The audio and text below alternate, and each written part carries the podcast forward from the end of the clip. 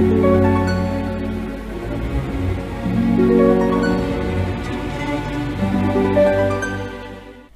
Leo, saya dengan Madam Aza. Saat ini kita bacakan karir untuk Leo selama 2022. Yang pertama kita bukakan secara umum bagaimana sih karir Leo selama 2002 ini. Kartu yang keluar pertama adalah kartu The Devil. Ketika kartu The Devil keluar dalam hal karir gitu ya, untuk Leo ya, ini menunjukkan bahwa finally the devil is out of the closet gitu ya. Tandanya ada hal yang selama ini mengganggu gitu ya, entah ini relasi dengan seseorang yang berhubungan dengan pekerjaan ataupun bisnis ataupun kesadaran kamu akan sebuah uh, masalah gitu ya. Itu akan muncul, akan keluar.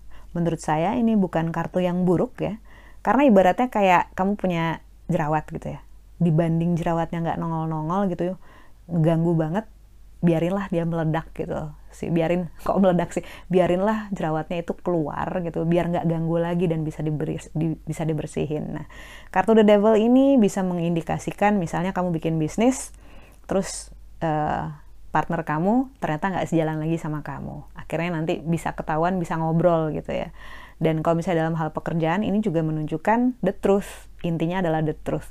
Misalnya ternyata bahwa oh sudah saatnya untuk kamu uh, move on keluar dari pekerjaan yang sekarang karena memang udah nggak suportif misalnya.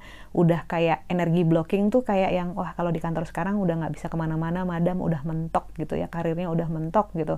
Susah misalnya ya udah nggak apa-apa. Tapi inti dari kartu death ini adalah eh sorry inti dari kartu the devil ini adalah the devil is out of the closet gitu. Jadi si kartu the devilnya energi negatifnya sudah terlihat.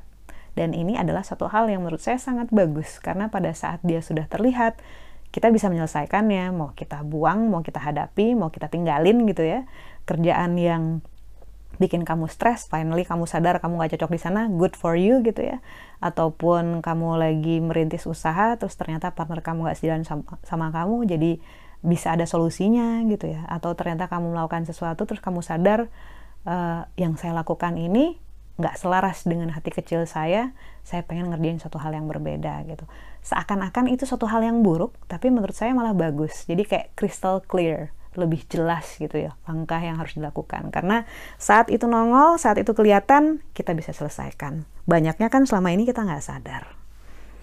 Lalu kartu kedua adalah yang sebaiknya diwaspadai oleh Leo selama tahun 2022 yang berhubungan dengan karirnya yang harus diwaspadai adalah The Magician.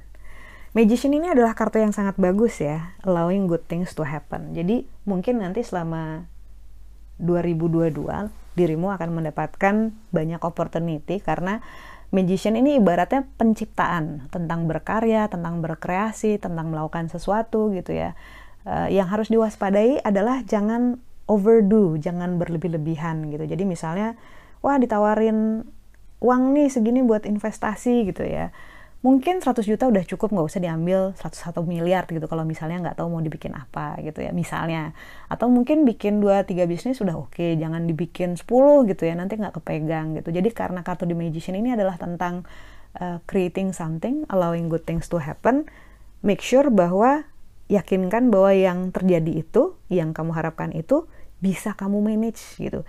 Jangan sampai jadi orang yang asal sebar benih gitu ya terus nanti tumbuh semua gitu nanti nggak ketet nanti keteteran ngurusinnya akhirnya semuanya malah mati. Jadi kartu the magician adalah uh, don't eat more than you can chew. Jangan makan lebih banyak dari yang bisa kamu kunyah gitu. Nanti kamunya yang keteteran kecapean.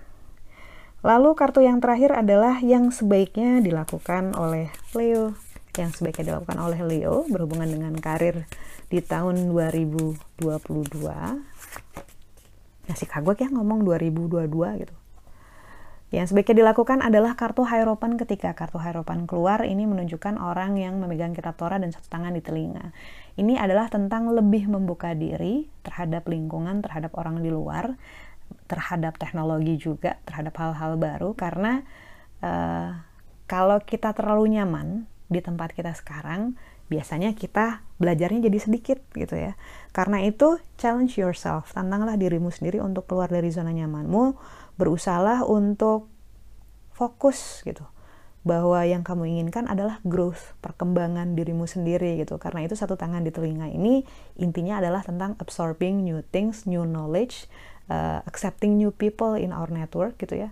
Menerima hal-hal baru dalam hidup kita yang berhubungan dengan skill, pekerjaan, informasi gitu. Termasuk orang-orang uh, jangan sampai kita ngerasa sudah cukup begitu saja, bikin kita terlalu nyaman dan tidak berkembang. Sekian bacaannya, semoga bermanfaat. Kita doakan tahun ini dirimu mendapatkan yang paling baik. Semoga berlimpah banyak harta, banyak kebahagiaan, banyak kemudahan, dan juga keberuntungan. Terima kasih bantu saya dengan cara di klik like-nya, subscribe, share, dan juga komen.